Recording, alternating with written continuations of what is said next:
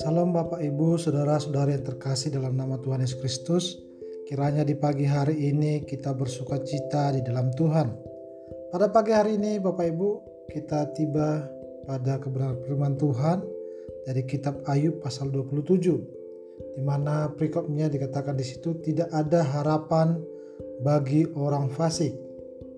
Bapak Ibu, kalau kita lihat uh, cerita-cerita sebelumnya di mana sahabat-sahabat dari Ayub atau ketiga sahabatnya memberikan suatu pandangan menurut mereka benar tapi kalau kita lihat Bapak Ibu seperti yang sudah dijelaskan oleh hamba-hamba Tuhan sebelumnya di mana pandangan itu atau tuduhan-tuduhan itu tidak benar adanya sehingga Ayub membantah semua tuduhan-tuduhan tersebut.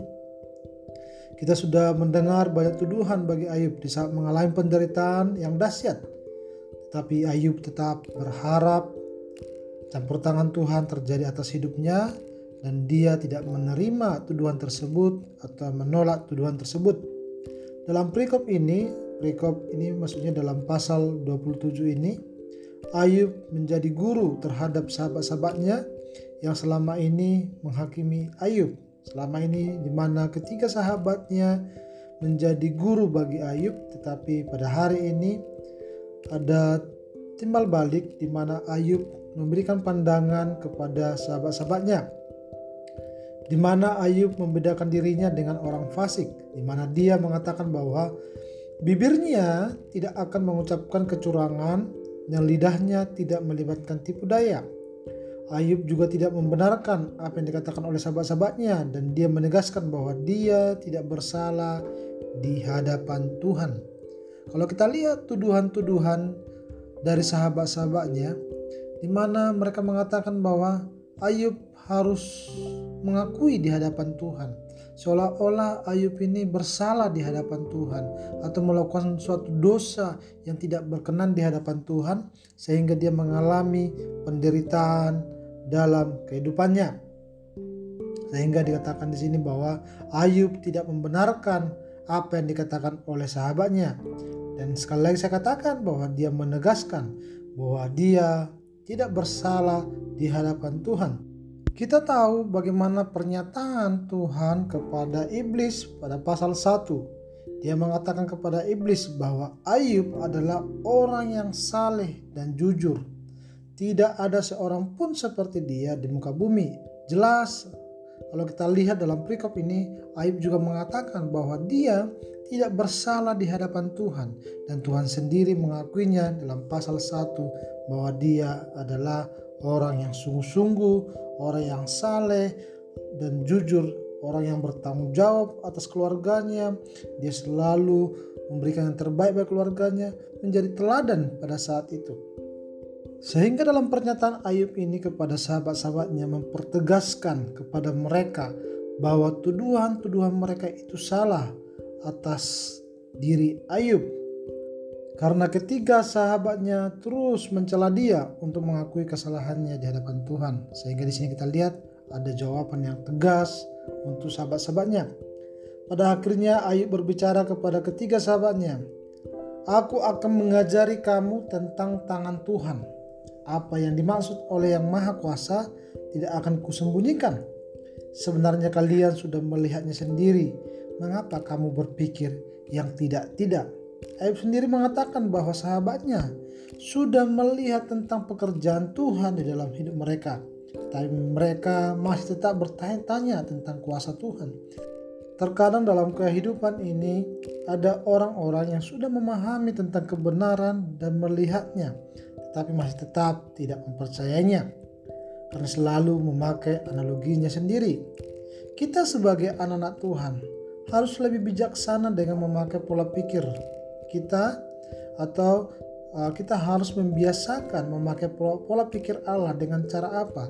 Dengan cara merenungkan firman Tuhan, mempercayai firman-Nya atas hidup kita, bukan terus berpikir yang tidak-tidak sehingga meragukan kuasa Tuhan atas hidup kita.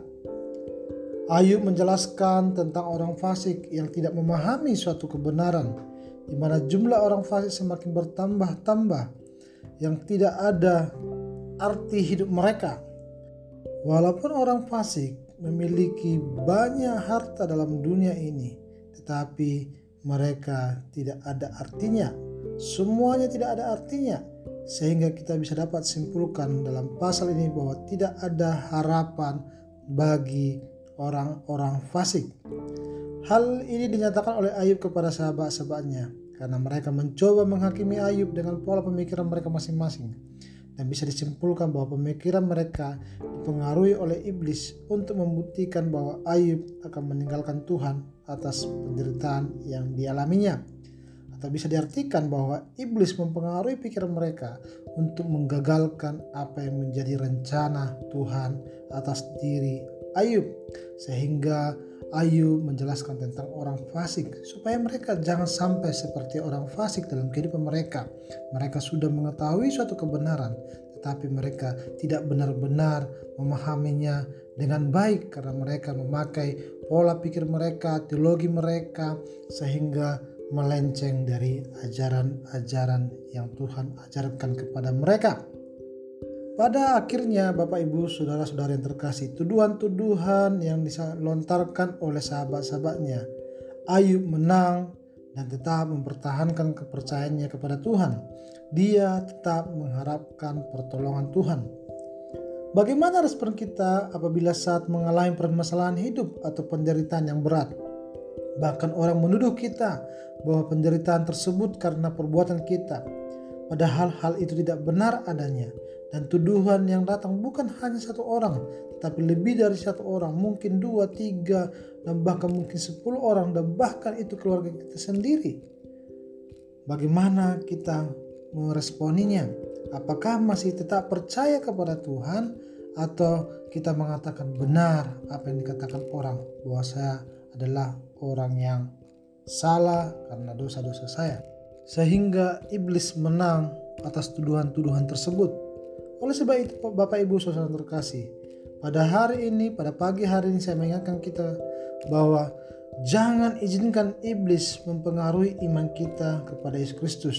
Tetaplah percaya kepada Tuhan walaupun kondisinya sangat menyakitkan. Tapi kalau waktunya Tuhan sudah tiba, kebenarannya akan dinyatakan dan orang-orang akan terheran-heran sama seperti yang dialami oleh Ayub. Tuhan memberkati dia berlimpah-limpah setelah melewati penderitaan-penderitaan yang ada dalam kehidupannya. Jadi Bapak Ibu penderitaan atau masalah-masalah yang kita hadapi terkadang itu Tuhan izinkan terjadi dalam kehidupan kita supaya kita memiliki iman yang kuat itu menjadi suatu ujian iman bagi kita supaya kita tetap berharap kepada Tuhan. Sama seperti Nuh Bapak Ibu waktu membuat bahtera dia dihakimi oleh orang-orang pada zamannya mereka mengatakan bahwa dia orang gila. Kenapa membangun batra harus di gunung? Kenapa tidak membangun batra di pinggir airan atau di pinggir laut Bapak Ibu? Tapi perlu saya katakan Bapak Ibu kepada kita pada saat ini. Pada saatnya Tuhan akan membuktikan suatu kebenaran waktu kita melakukan suatu kebenaran. Sehingga tuh Bapak Ibu apa yang terjadi dalam keluarga Nuh di mana keluarganya, semuanya diselamatkan oleh Tuhan dan juga binatang-binatang yang berpasang-pasangan yang dimasukkan ke batra mereka, eh, mereka diselamatkan dan orang-orang yang mencela dia, orang-orang yang menghina dia, apa yang terjadi? Mereka mati dengan sia-sia. Di luar sana mungkin banyak orang-orang merendahkan kita saat kita sungguh-sungguh beribadah kepada Tuhan. Mereka berkata bahwa tidak ada artinya kita beribadah kepada Tuhan karena penderitaan tetap terjadi atas hidup kita. Tetapi tetaplah pada pagi hari ini saya mengatakan kepada Bapak Ibu, tetaplah setia dan sabar menanti-nantikan Tuhan karena Tuhan turut bekerja atas segala yang kita alami. Hanya Tuhan mau supaya kita tetap percaya kepada Dia dan melakukan firman-Nya Kiranya firman Tuhan ini yang kita dengarkan pada pagi hari ini membuat kita tetap mempercayai Tuhan. Tidak ada alasan untuk meninggalkan Tuhan. Tidak ada alasan membuat kita tidak percaya lagi kepada Tuhan.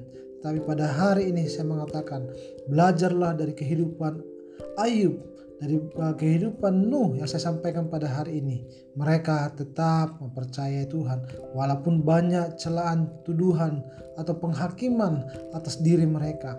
Tetapi mereka tetap berdiri dalam suatu kebenaran bahwa dia percaya bahwa Tuhan akan terus bekerja dalam kehidupannya.